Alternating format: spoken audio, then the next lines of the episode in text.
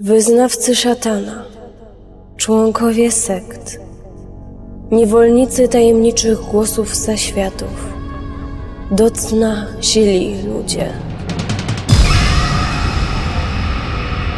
Krwawy podwieczorek.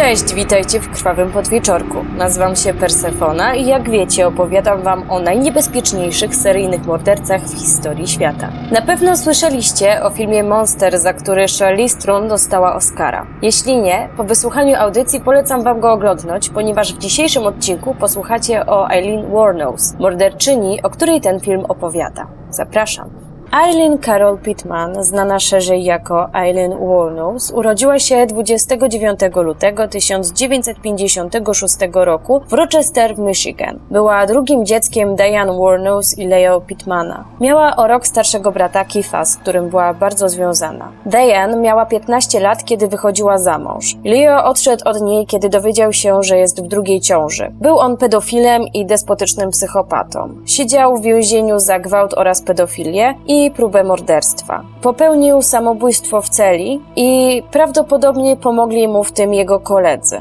Diane nie mogła sobie poradzić z obowiązkami, więc oddała swoje dzieci pod opiekę dziadków. Byli to alkoholicy. Eileen miała wtedy dopiero pół roku. Lori i Brita Warnosowie wychowywali młodych Pitmanów wraz z własnymi dziećmi, traktując ich wszystkich jako rodzeństwo. Było to bardzo surowe wychowanie. Dziewczynka, która miała bardzo trudny charakter, jest często bita. Gdy miała 6 lat, jej twarz zostaje poparzona i ślady z tego wydarzenia zostają jej na całe życie. W wieku 12 lat odkrywa prawdę o swojej rodzinie. Zaczyna się bardzo buntować, przestaje chodzić do szkoły, zaczyna zadawać się z podejrzanym towarzystwem i sięga po narkotyki. W wieku 14 lat Lee, bo tak mówią na nią znajomi, traci dziewictwo i wkrótce zachodzi w ciążę. Ojciec dziecka pozostaje nieznany, a ona trafia do domu dla samotnych matek. Rodzi tam synka, którego oddaje do adopcji. Wszystko to dzieje się w roku 1971. Niedługo po narodzinach chłopczyka umiera babcia Lee. Prawdopodobną przyczyną śmieci Brity była niewydolność wątroby, jednak jej córka Diane podejrzewa, że matka została zabita przez ojca. Miał on straszyć bardzo często Lee i Keitha tym, że zabije ich babcię. Dodatkowym ważnym faktem jest to, że w noc śmierci swojej żony Lori miał zabronić wzywania pomocy medycznej, twierdząc, że ich na to nie stać. Diane proponuje dzieciom zamieszkanie u siebie, ale ani Keith, ani Lee nie mają na to ochoty. Lee opuszcza dom i zarabia na życie prostytuując się, oraz podróżuje po kraju autostopem. Zaczyna też używać pseudonimów, innymi były to Lee Blachowiec, Kamin Green, Sandra Krecz. Popada w coraz większy konflikt z prawem. W wieku 18 lat zostaje skazana na dwa lata więzienia za kradzież samochodu oraz za jazdę po pijanemu oraz nielegalne posiadanie broni. Nadchodzi rok 1976. W wieku 21 lat umiera Keith. Zabija go rak krtani. Dziadek Lori popełnia samobójstwo. Eileen dostaje 10 tysięcy z ubezpieczenia po bracie i jedzie na Florydę, gdzie w ciągu dwóch miesięcy wydaje całość na zabawę oraz drogie przedmioty. Wkrótce poznaje na Florydzie 69-letniego Louisa Phila, który był biznesmenem działającym w przemyśle kolejowym. Biznesmen ten zakochuje się w niej i wkrótce prosili o rękę. Pobierają się, ale niestety związek nie przetrwał próby czasu. Świeżo upieczona panna młoda nie traktowała dobrze swojego małżonka. Bardzo chętnie wydawała jego pieniądze, jednak potrafiła uderzyć go, jeżeli nie chciał ich jej dać. Po dziewięciu miesiącach małżeństwa kobieta zostaje aresztowana za barową bójkę, a Louis, korzystając z okazji, unieważnia małżeństwo pod pretekstem rozrzutności żony oraz jej brutalności. Eileen usiłuje popełnić samobójstwo, strzelając sobie w brzuch, ale jak łatwo się domyśleć, nic z tego nie wyszło. Potem następuje czarna seria w jej życiu. W 1981 roku ponownie trafia do więzienia za napad. Następnie w 1984 za fałszerstwo, w 85 za kradzieże, w 86 za nielegalne posiadanie broni oraz napaść. Kiedy wychodzi na wolność, w jednym z barów dla gejów biseksualna Lee poznaje 24-letnią Tyree Moore. Kobiety zostają kochankami i wyruszają razem w Amerykę. Tyree zarabia w barach i motelach, a Lee prostytuuje się. Jest im bardzo ciężko.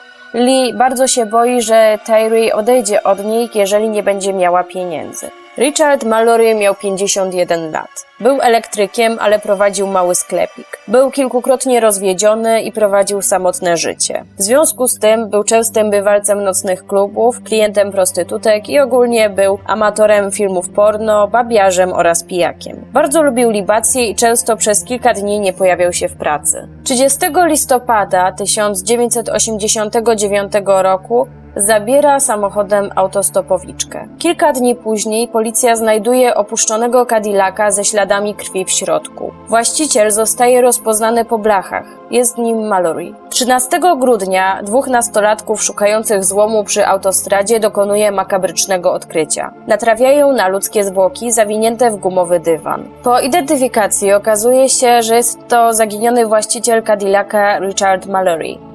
Twarz ofiary sprawca przykrył śmieciami, zabrał z portfela pieniądze. Na miejscu zbrodni odkryto kilka prezerwatyw oraz butelki po wódce. Sekcja zwłok wykazała, że ofiara została trzykrotnie postrzelona e, w klatkę piersiową z pistoletu kaliber 22. Znajomi Richarda zgodnie twierdzili, że na pewno nie zabrałby on ze sobą do samochodu żadnego mężczyzny, w związku z czym zaczęto szukać podejrzanej. Pierwszą była 27-letnia stripteaserka pseudonim Chastity. Widywano ją z bronią, miała zatarg z Mallory, miała też chwalić się swojemu chłopakowi, że ma coś wspólnego z tym morderstwem. Początkowo podczas przesłuchania wypierała się całej tej znajomości, ale potem przyznała się, że Mallory był jej stałym klientem. Miał na jej punkcie obsesję. Twierdziła, że chciał jej dać 100 dolarów, by była tylko jego. Wiadomo, że się nie zgodziła. No i wkrótce okazało się, że jednak stripteaserka nie ma nic wspólnego z jego śmiercią.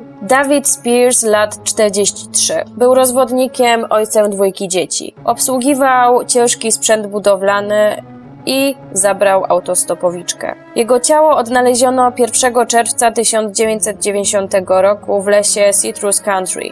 Sekcja zwłok wykazała, że mężczyzna został zastrzelony z broni kalibru 22 i miał na sobie jedynie czapeczkę. Znaleziono przy nim kilka prezerwatyw. Ustalono, że jego ciężarówkę znaleziono kilka dni wcześniej pozbawioną tablic oraz zamknięto. Szef mężczyzny widział go ostatnio 19 maja. Miał on jechać do Orlando, ale nigdy tam nie dotarł. Podejrzenia padły na człowieka, który odnalazł zwłoki, niejakiego Matthew Cockninga. Był to agresywny człowiek, uważany za bardzo niebezpiecznego, chodził z bronią i groził ludziom. Stworzenie portretu psychologicznego mordercy jednak wykluczyło Kotlinga. Ofiara sama musiała się rozebrać i sama musiała sobie nałożyć tą czapeczkę na głowę, w związku z czym sprawcą musiała być kobieta, która zwabiła mężczyznę w odludne miejsce. Ustalono też, że motywem zbrodni na pewno nie był rabunek, ale ofiara została okradziona.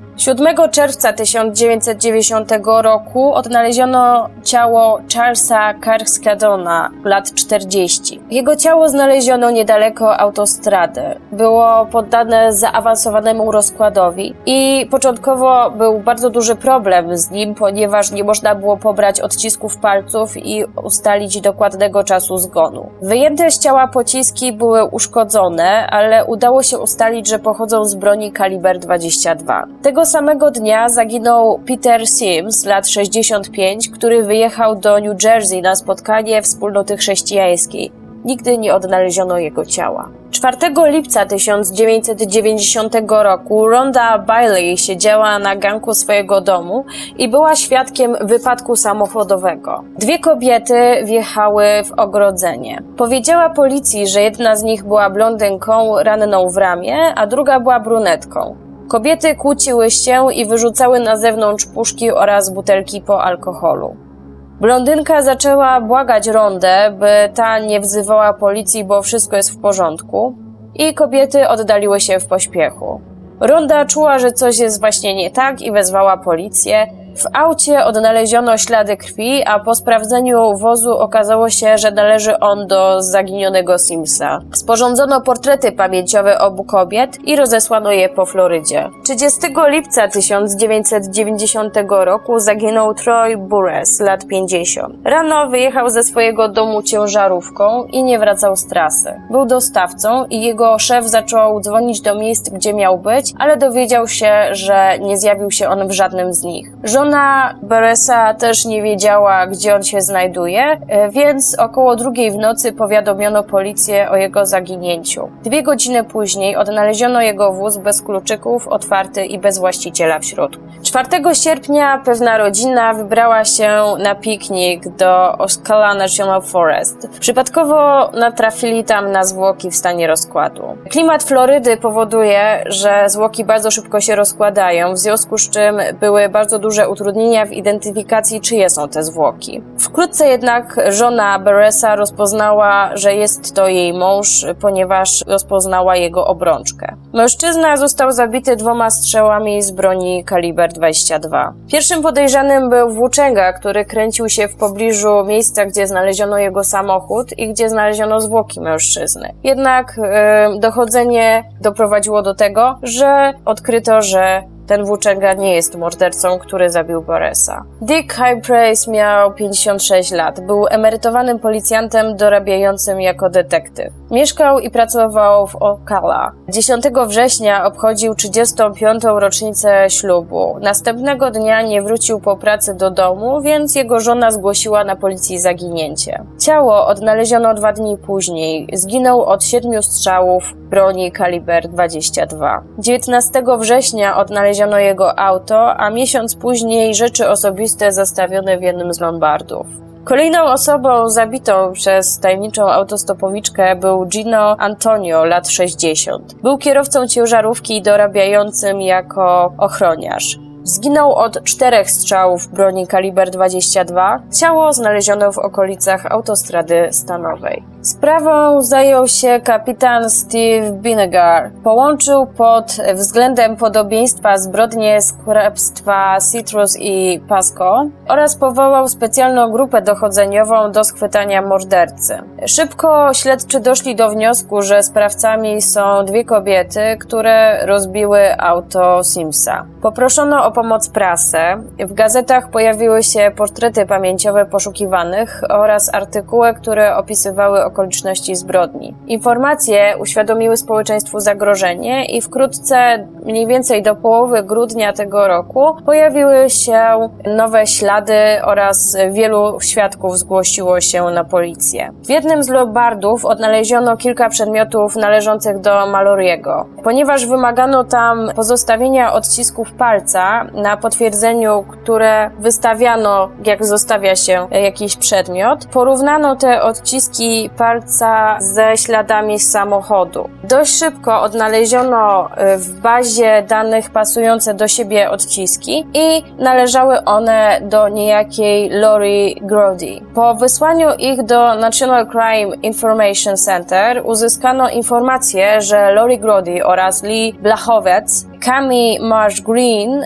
to w rzeczywistości jedna osoba, Alien Warnos. 5 stycznia 1991 roku rozpoczyna się polowanie. Dostano szybko cynk, y, że kobieta odwiedza bary dla zmotoryzowanych y, w Daytona i udali się tam funkcjonariusze przebrani za cywilów, odwiedzając po kolei wszystkie bary w poszukiwaniu Lee. 8 stycznia trafili na osobę podobną do poszukiwanej. Pojawiła się niestety tam jednak w tym samym czasie miejscowa policja, która chciała aresztować podejrzaną kobietę i bardzo komplikowało to śledczym życie, ponieważ nie mieli jeszcze wystarczających dowodów, żeby aresztować ją za morderstwa. Jeden z zamaskowanych, przebranych E, śledczych e, skontaktował się z szefem miejscowej policji i spowodowało to to, że Eileen została puszczona wolno i wróciła do baru. Zostaje tam zagadnięta przez podstawionych funkcjonariuszy, którzy postanowili zdobyć jej zaufanie. Chcieli, żeby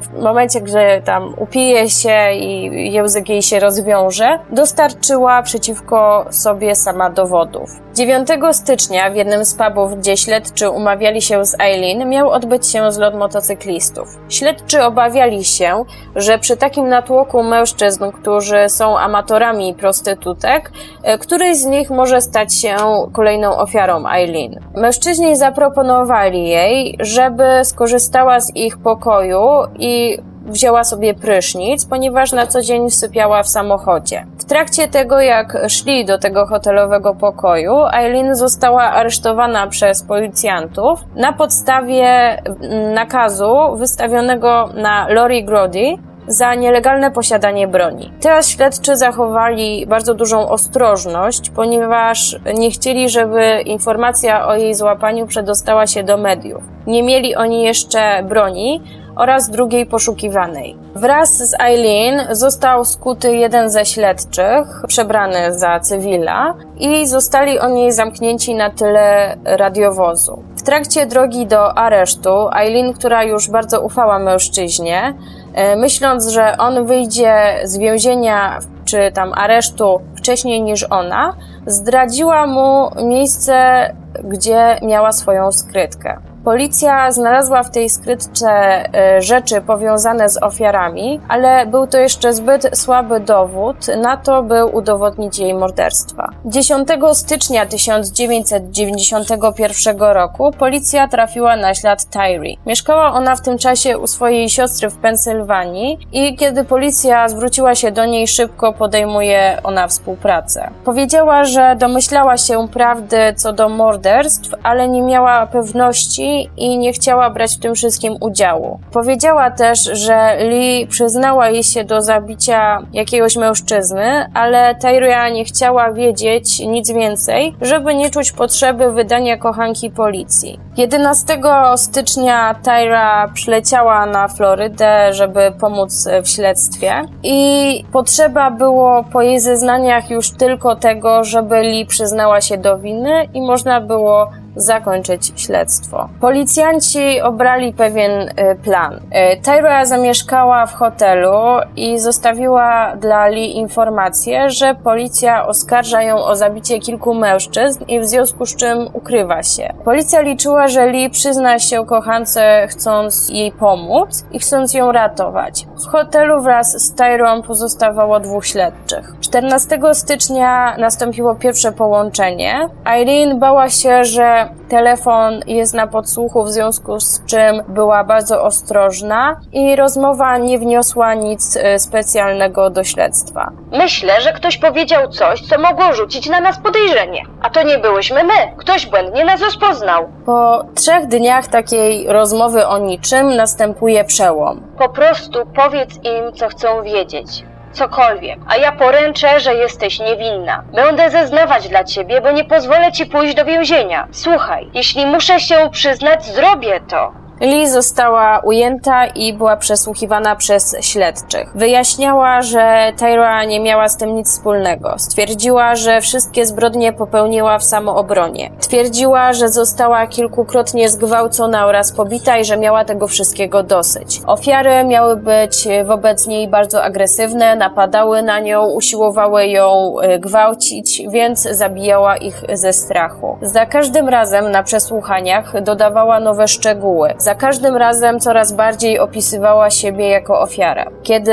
cała sprawa nabrała medialnego rozgłosu, bardzo chętnie rozmawiała z mediami, stawiając siebie w coraz lepszym świetle. Dostawała liczne oferty od wydawców oraz filmowców i myślała, że w ten sposób zarobi sobie, ale prawo Florydy jest przeciwne takim procederom. I tutaj pojawia się mój ulubiony motyw w całej smutnej historii, czyli osoba Arlene Prell, lat 44. Była to nawrócona katoliczka hodująca konie. Pewnego dnia zobaczyła w prasie artykuł Oli i postanowiła do niej napisać list.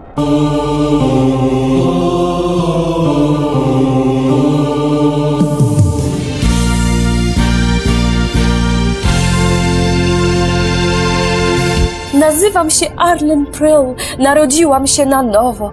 Pewnie pomyślisz, że jestem szalona, ale Jezus powiedział mi, abym do ciebie napisała. Panie zaczynają intensywnie ze sobą korespondować i wkrótce Arlen zostaje główną orędowniczką i obrończynią Lee, udzielającą się gdzie tylko może, gdzie się tylko da, wszędzie opowiadając o tym, jaka wspaniała i dobra jest Lee. Twierdzi w wywiadach, że zbrodnie Lee są rozdmuchane przez media, przez adwokatów, policjantów i Tyree, którzy ponoszą za to wszystko winę, że tak, a nie inaczej zostało to przedstawione. Jest zła na Tyree która w jej oczach oczernia w zeznaniach swoją kochankę i 22 listopada 1991 roku Allen oraz jej mąż adoptowali Lee, ponieważ Bóg tak kazał.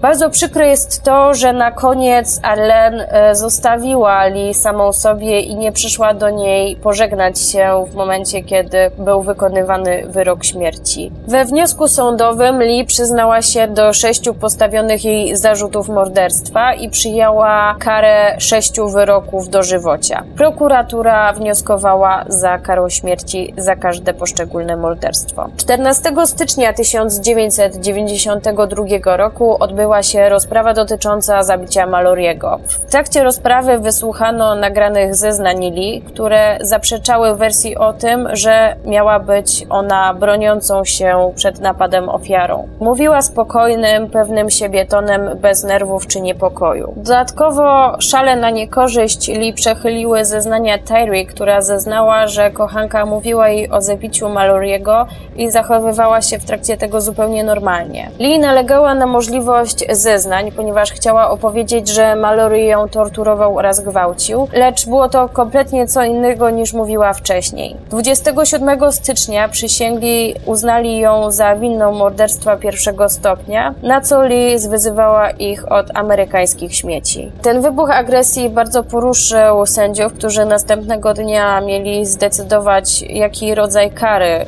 y, nałożyć na Lee i mimo opinii y, biegłej, która uznała, że oskarżona jest osobą psychicznie chorą z poważnymi zaburzeniami osobowości, ława przysięgłych skazała Li na karę śmierci poprzez krzesło elektryczne. Był 31 stycznia 1992 roku. Kobieta nie stanęła ponownie przed sądem. 31 marca 1992 roku przyznała się do zabicia Hampersa, Bersa i Spearsa. Stwierdziła, że zrobiła to dla pogodzenia się z Bogiem. Chcę wyznać, że Richard Mallory brutalnie mnie zgwałcił, tak jak mówiłam, ale wszyscy inni nie. Tamci tylko próbowali. Na koniec kobieta zwróciła się do asystenta prokuratora. Mam nadzieję, że ktoś zgwałci twoją żonę i dzieci w tyłek.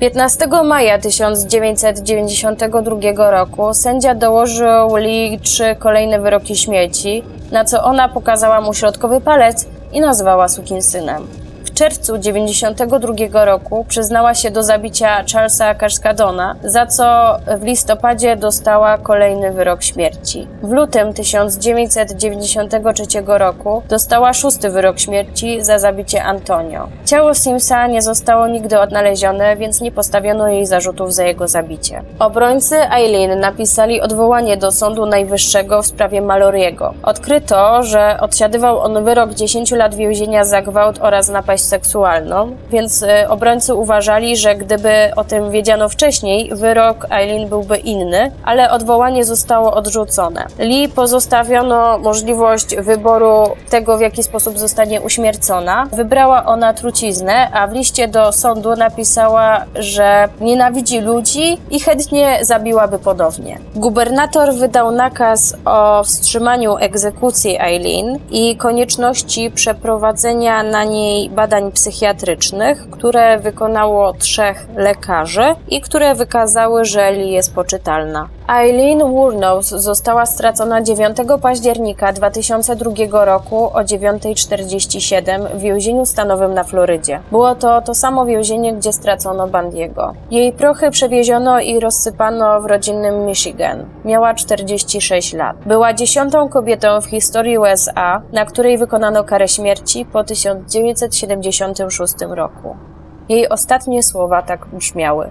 Chciałam tylko powiedzieć, że pożegluję ze skałą i wrócę jak Dzień Niepodległości z Jezusem 6 czerwca. Dokładnie tak jak w filmie.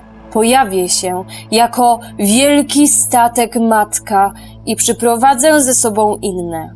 Ja powrócę. Tyra Moore po procesie złożyła wniosek o zmianę nazwiska i wyjechała. Nie wiadomo, co się z nią stało i co się z nią dzieje. A wy sami słyszeliście, więc pamiętajcie. Nie każdy autostopowicz to miły turysta lub widmo. Trzymajcie się. Cześć. Wyznawcy szatana, członkowie sekt, niewolnicy tajemniczych głosów zaświatów, do cna źli ludzie. Krwawy podwieczorek. Jeśli chcesz o coś zapytać, skontaktuj się ze mną na forum Radia Paranormalium pod adresem radio.paranormalium.pl She keeps the moon and shining in a pretty cabinet. Letting me cake, she said, just like Mary Antoinette. Building a remedy for Khrushchev and Kennedy. And anytime an invitation you can't decline. Cigarettes, well versed in etiquette. Extraordinarily nice. She's a killer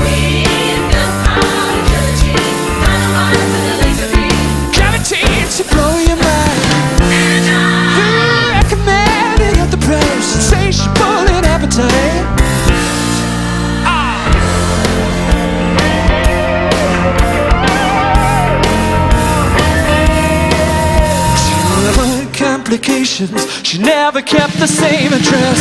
The conversation, she spoke just like a baroness. Many man from China, with dedication minor. And anytime she didn't feel that way. Come, perfume came naturally from Paris. Because she could kill it, fastidious and precise.